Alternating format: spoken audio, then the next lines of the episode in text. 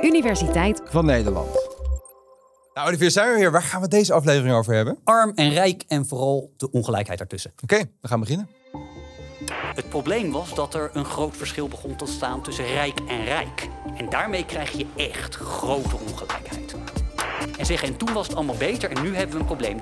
Misschien wel de groep die het makkelijkste sociaal kon klimmen, waren voormalig slaafgemaakten. Dan krijg je iemand als Cicero, die zegt, ja, maar dat is stelen van de rijken. Ja, leuk dat je luistert weer naar Rare Jongens, aflevering nummer 3. Onze studio staat nog steeds op die noordelijke grens in Nijmegen. En tegenover mij zit zoals altijd Olivier. Hallo, hallo. In deze podcast van de Radboud Universiteit en de Universiteit van Nederland bekijken we onze tijd door de bril van de Romeinen. Want dachten zij 2000 jaar geleden toch ook niet over al die zaken al na waar wij nu ook mee te maken hebben. Deze aflevering staat in het teken van arm en rijk en ongelijkheid ertussen.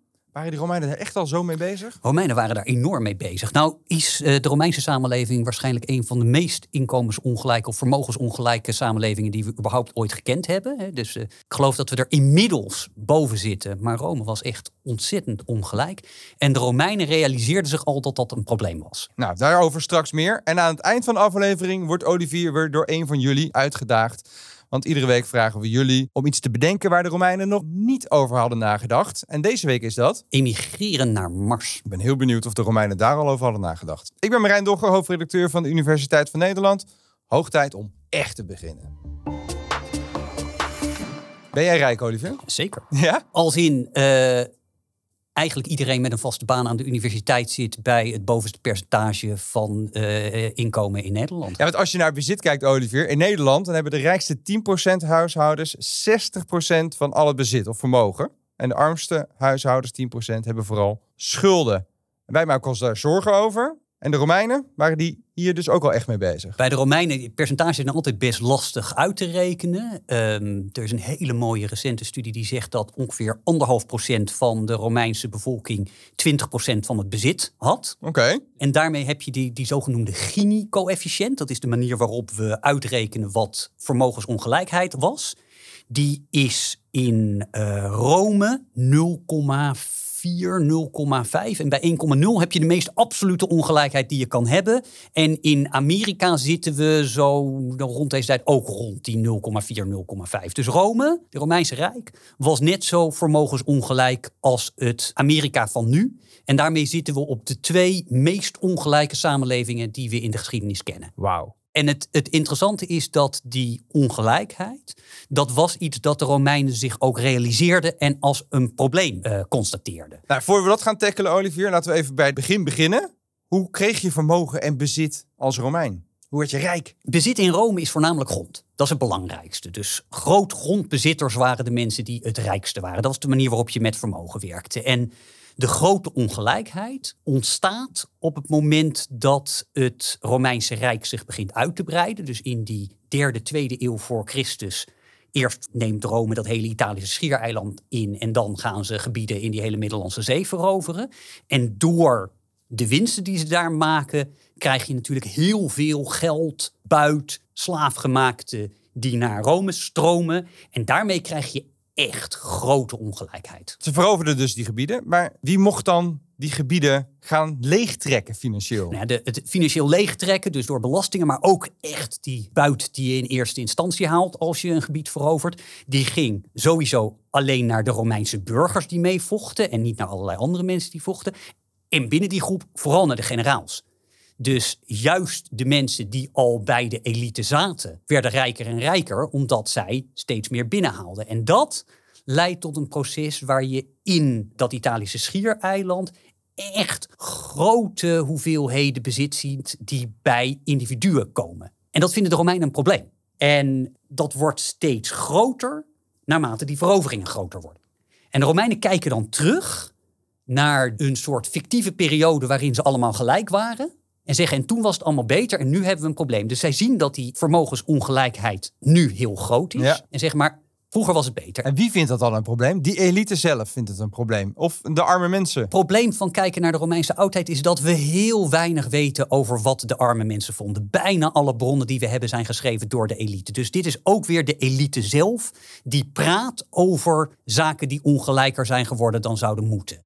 En wat je ziet binnen die elite is dat er teruggekeken wordt naar de periode voordat Rome Carthago verslaat. Dus Rome wordt steeds groter. En dan hebben ze eigen, wordt een supermacht. Dan is er één grote tegenstander nog. Dat is Carthago in Noord-Afrika. Ja. De Puniërs. Dan heb je een paar Punische oorlogen. Hannibal is daar het beroemdste voorbeeld van. Hè? Hannibal een Punier die bijna Rome weet te verslaan met zijn olifanten, maar uiteindelijk toch niet. Rome weet in drie Punische oorlogen alleen heerser te worden, is enige supermacht. En volgens de Romeinen gaat het dan mis, want dan hebben ze één supermacht en vroeger toen Romeinen nog dapper aan het vechten waren en tegenstanders hadden en samen moesten werken, was alles goed.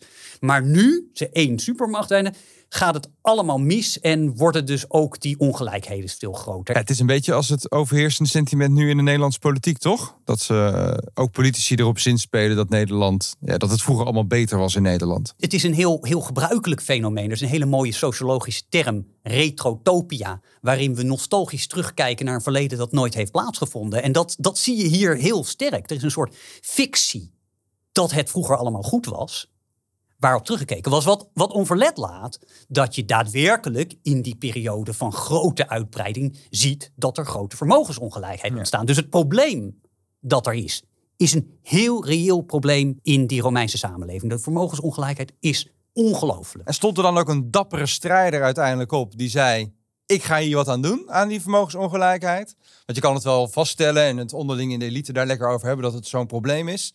Of werd er echt iets aan gedaan ook? Bijna alle mensen die iets proberen te doen aan die verdeling, doen het uit eigen belang. En dat gaat minder om de vermogensongelijkheid die teruggaat. En dat gaat veel meer om uh, proberen van schulden af te komen. Want wat je ziet is dat de manier, zeker uh, vanaf die grote uitbreidingen, om echt rijk te worden, is te zorgen dat je een groot commando krijgt. Of dat je in een overzees gebied deel wordt neergezet om daar flink geld uit te, weg te sluizen voor je eigen belang.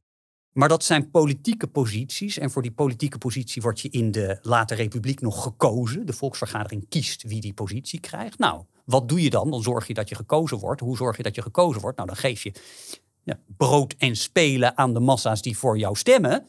Maar ja, om dat brood en spelen te kunnen aanbieden, moet je flink wat geld uitgeven wat je nog niet hebt. Dat geld dat leen je in de hoop dat je dan later die positie krijgt, waardoor je het weer terug kan krijgen en het rijk kan worden.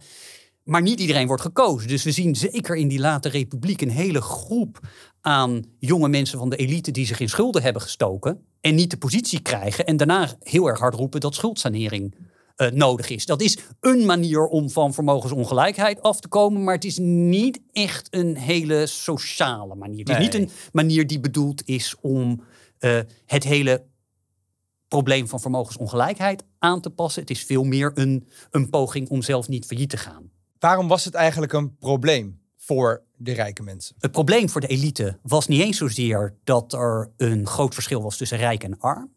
Het probleem was dat er een groot verschil begon te staan tussen rijk en rijk. Ah. Eh, want die elite die vond het heel belangrijk dat ze gezamenlijk die Romeinse Republiek beheerden. En dat zij gezamenlijk regeerden en dat er niemand daar echt bovenuit stak. Het hele idee dat je met gelijkheid onder de gelijkwaardigheid, gezamenlijk, dat je dat allemaal samen deed. Dat was een heel belangrijke fictie.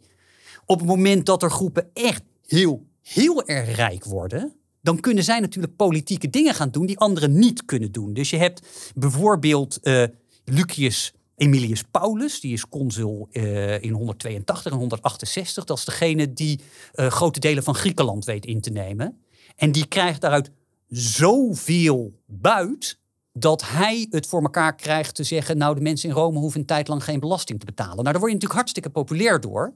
En als één lid van de elite heel erg populair wordt, dan worden andere leden van de elite minder populair. Dus die vermogensongelijkheid gaat bij de Romeinen minder om het verschil tussen arm en rijk, maar gaat er heel erg sterk om dat er mensen absurd rijk worden en daardoor meer invloed krijgen dan andere leden van de elite. Het doet me enigszins denken aan Elon Musk, die ook absurd rijk is en nu zoveel invloed heeft op de wereld, toch? Via X bijvoorbeeld, via zijn uh, ruimtevaartprogramma. Nou, je, ziet, je ziet inderdaad dat naarmate die late republiek voortgaat, dat juist de mensen met enorm vermogen meer invloed krijgen. En misschien wel het beroemdste voorbeeld.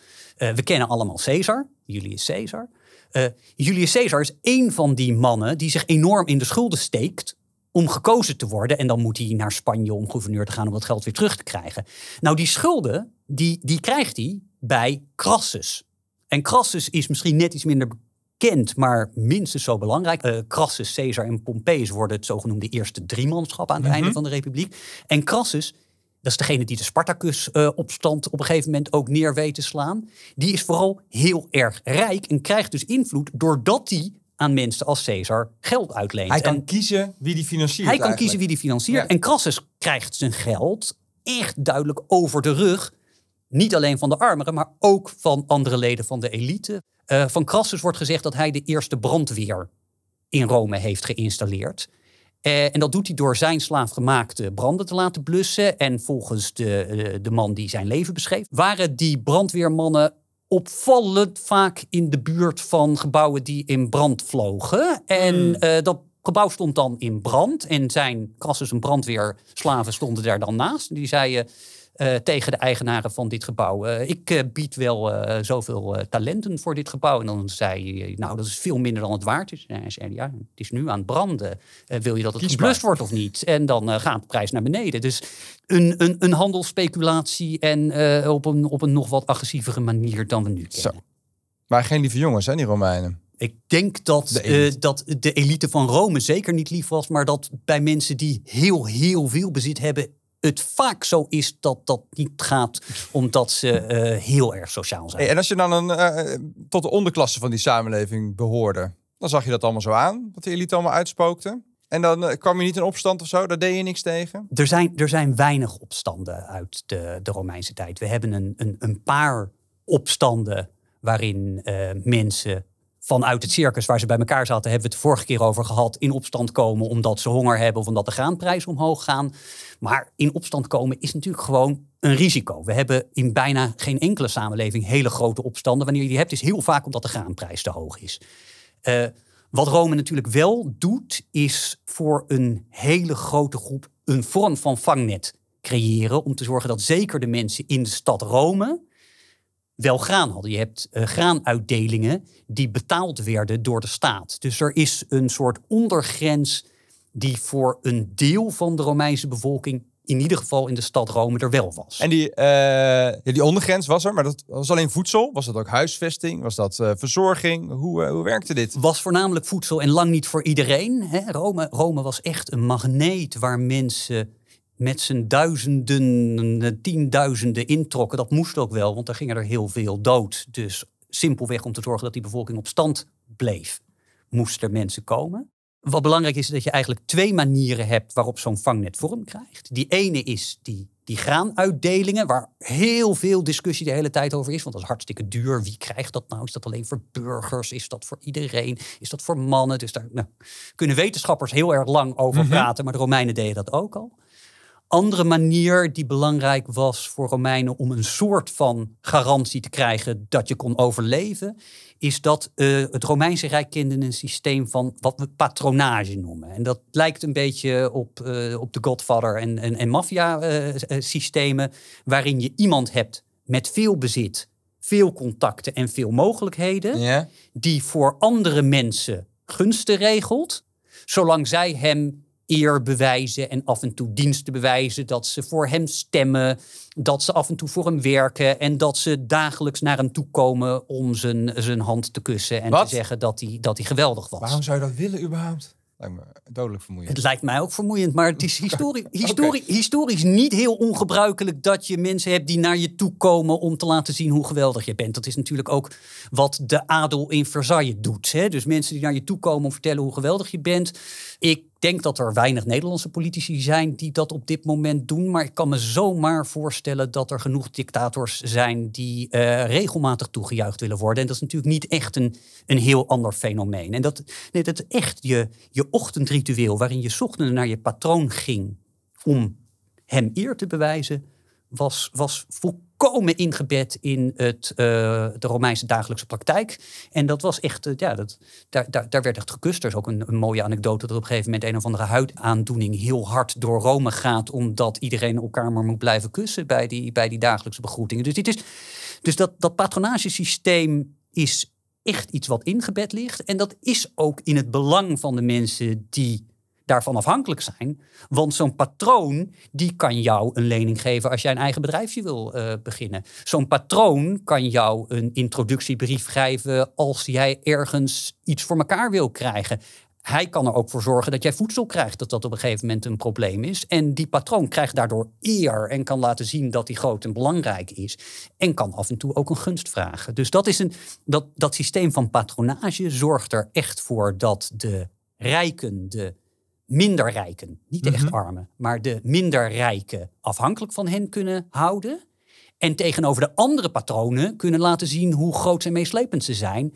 En dan krijg je meer eer en meer status. En op die manier versterkt dat hele systeem zichzelf continu. Was er iets mogelijk om op die sociale ladder te klimmen? Als je echt heel arm was of uh, misschien een minder rijke? Als je echt heel arm was, waarschijnlijk niet. Als je minder rijk was, wel. Rome kende best een grote sociale mobiliteit. En misschien wel verrassend genoeg de groep die het makkelijkste sociaal kon klimmen, waren voormalig slaafgemaakten. Dus je hebt slaafgemaakten die in de mijnen werkten. Dat was verschrikkelijk. Dat was een onleefbaar systeem. Daar ging je ook heel jong dood. Je hebt natuurlijk ook mensen die bijvoorbeeld uit de Griekse wereld als krijgsgevangenen naar Rome tot slaafgemaakten werden. En die gingen de kinderen van rijke Romeinen opvoeden. Nou, die tweede groep slaafgemaakten, die werden in Rome heel vaak vrijgelaten. En hadden een heel goed netwerk. En die hadden een groep. Hè? Die konden, hetzij ze werden vrijgelaten bij de dood van hun eigenaar. Of ze kregen maandelijkse toelagen en konden zichzelf vrij kopen. En bijzonder van het Romeinse systeem is dat vrijgelatenen, die hadden alle rechten, bijna alle rechten van Romeinse burgers. En hun kinderen werden Romeins burger. En juist omdat dit mensen waren met bijzondere vaardigheden, konden die ook relatief snel rijk worden. En we weten dus van rijke vrijgelatenen vrij veel. En daar werd natuurlijk wel met een beetje de der naar gekeken, want dat was nieuw geld. Maar na twee of drie generaties wisten mensen dat niet. Er is een hele mooie tekst van Petronius, de Satyricon, die uh, helemaal beschrijft over hoe zo'n vrijgelatene uh, veel te decadente maaltijden opzet. Hè, dat is echt, uh, wij, wij weten hoe het moet en wij oud geld weten hoe het moet en dit nieuw geld weet het niet. Maar we weten van die vrijgelaten dat die echt enorm konden klimmen en na twee of drie generaties ook echt bij de absolute elite konden gaan behoren. En werd die groep, die elitegroep dan ook steeds groter? Of waren er ook mensen die keihard naar beneden donderden op die ladder? Je kon er ook, je kon er ook uitvallen, je kon ook failliet gaan. Uh, dus dat is, uh, en, en je kon als familie uitsterven. Dus die, die sociale mobiliteit is veel groter dan we, dan we lang gedacht hadden.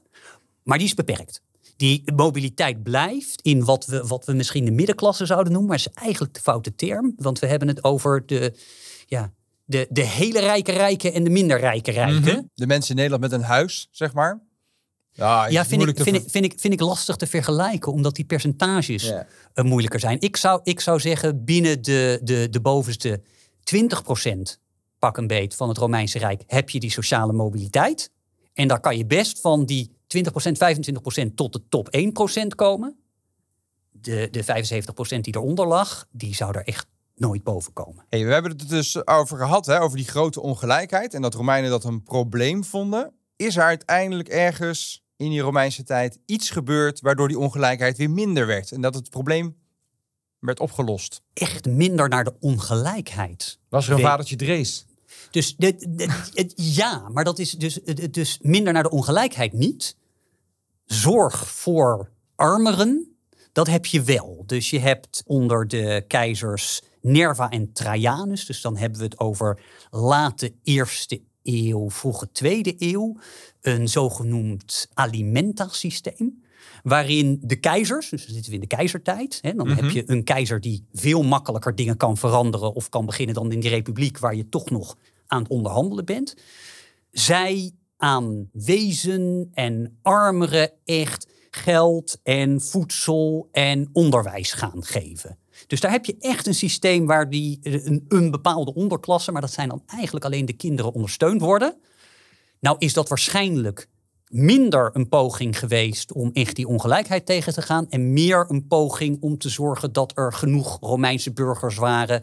En dat de keizer ook kon laten zien dat hij goed voor zijn burgers zorgde. Ik kan me toch moeilijk voorstellen, Olivier, dat er helemaal niemand hier boos over werd. Die iets echt, echt iets aan ging doen in de Romeinse tijd. Zeker niet als je met zoveel bent. Ja, maar de mensen die er het makkelijkste wat aan konden doen, waren de mensen met vermogen. En er zijn een paar pogingen voor schuldsaneringen, niet alleen voor de rijken. En dan krijg je iemand als Cicero, zelf heel rijk, die zegt ja, maar dat is stelen van de rijken.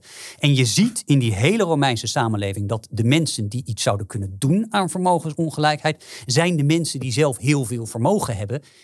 En die zien weinig reden om een systeem te veranderen dat voor hen heel goed werkt. En dat is nu eigenlijk ook zo. Laten we naar iets vrolijkers gaan, want we hebben natuurlijk altijd nog de rubriek waarvoor we nog een goede naam zoeken. We dachten even aan ik kwam, ik zag en ik had hier al lang over nagedacht. Ja, daar dacht jij aan. Maar dat was hem dus ook niet. Nee. Eh, maar goed, waar het op neerkomt is dat we elke week luisteraars vragen om jou uit te dagen om met iets te komen waar de Romeinen er nog niet over hebben nagedacht. En Luc Rijken, die denkt dat de Romeinen nog nooit hebben nagedacht over emigreren naar Mars. Lijkt mij ook sterk. Echt emigreren naar Mars? Nee. Uh, ze wisten natuurlijk dat Mars bestond en Mars als rode planeet, dat wisten de Romeinen heel goed. Romeinen hebben wel als eerste, denk ik, nagedacht over reizen naar de planeten. We weten van uh, Lucianus uit de tweede eeuw. Die heeft als eerste een tekst geschreven over allerlei reizen en fabuleuze reizen. En daar heeft hij ook het reizen naar de maan. Waarbij dan ook een oorlog was tussen de mensen van de maan en de mensen van de zon. en dat is echt een geweldige tekst. En dat heeft ook als. Ja, dat is echt zo'n tekst die als een satire bedoeld is. Ja. Hij wist dat reizen naar de maan niet kon. Dus wat dat betreft heeft Luc Rijken helemaal gelijk. Ze dachten er niet serieus over na. Maar de optie dat je daar naartoe kon gaan, die hadden ze wel al. En die satire is echt enorm van invloed geweest. Dus eh, iemand als, eh, als, als Swift met Gulliver's Reizen is echt beïnvloed door Lucianus en zijn reizen naar de maan. En Jules Verne natuurlijk ook. Dus emigratie naar Mars, nee. Reizen naar de maan, ja. Nou ja, ik vind dan toch dat de Romeinen erover hebben nagedacht. Want ik snap waar hè? deze gedachte van Luc vandaan komt. Dat denk ik ook. Nou ja, denk jij ook dat je iets briljants hebt bedacht waar de Romeinen nog niet over hebben nagedacht? Nou, en luister je via Spotify en dan kan je in het formulier onder de aflevering gelijk je suggesties eh, invullen. En anders staat ook een linkje in de show notes. Ja, dit was Rare Jongens voor deze week. Volgende week, Olivier, gaan we het hebben over... Landbouwhervormingen. Ja, en Of eh, eigenlijk het gebrek aan landbouwhervormingen. boze boeren komen ook langs, denk ik. Heel veel boze boeren. Nou, vergeet je niet te abonneren als je deze aflevering niet wil missen. Dan hoor je mij en Olivier vanzelf weer langskomen. Je mag wel even dag zeggen hoor, tegen de luisteraar. Ja, Dag, dag hoor. dag hoor.